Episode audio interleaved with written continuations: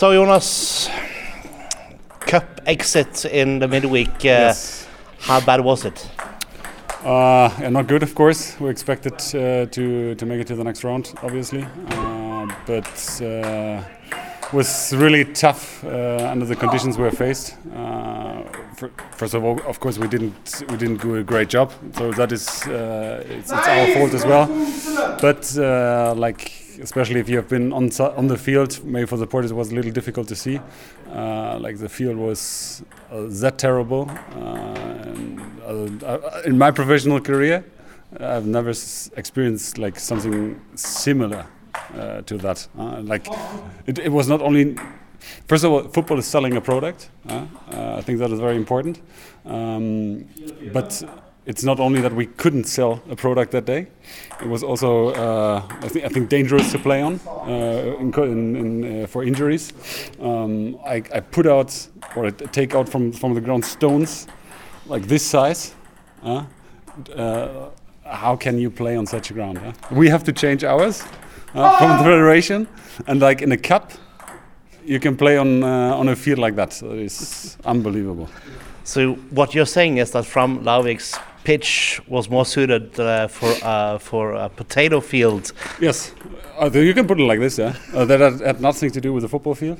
Uh, at least, uh, I think in in Germany, in the s- sevens or eight divisions, the conditions are better than that.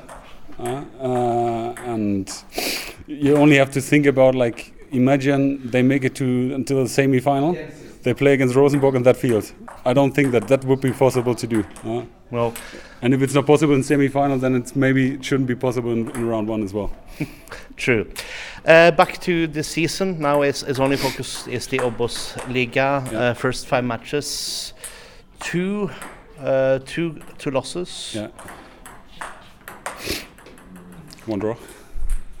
Two losses, one draw, and, and two victories. Uh, what are your thoughts uh, uh, before the match against Strømmen?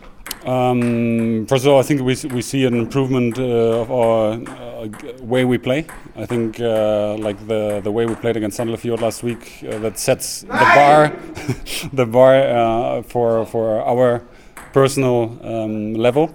Uh, that's that's the kind of football and the kind of like minimum level we want to play.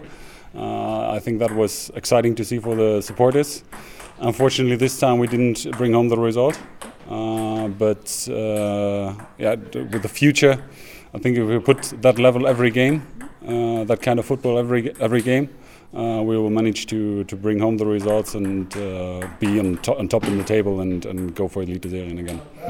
You mentioned the supporters. Uh, the speaker said 5,000 Yeah. sold tickets. How many did you count?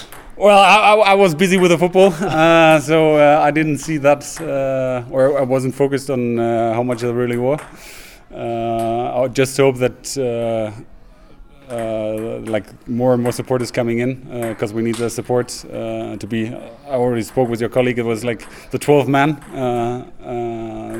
Uh, uh, it's very important, especially because we're a young, young group uh, that needs uh, every help they can get, and uh, the supporters are a very, very, very uh, important part of that. And uh, how will you get a clean sheet against Strømmen? Mm, it's not only me; it's uh, the, the whole team. Uh, avoid mistakes, uh, dominate the game, keep the ball, um, and be more focused in uh, set pieces, uh, like we did, or as we did uh, in the last games, because that was like our main main weakness. Uh, but if we make or can can do that, uh, then I'm pretty sure that we not only win the game, but also with a clean sheet. Then.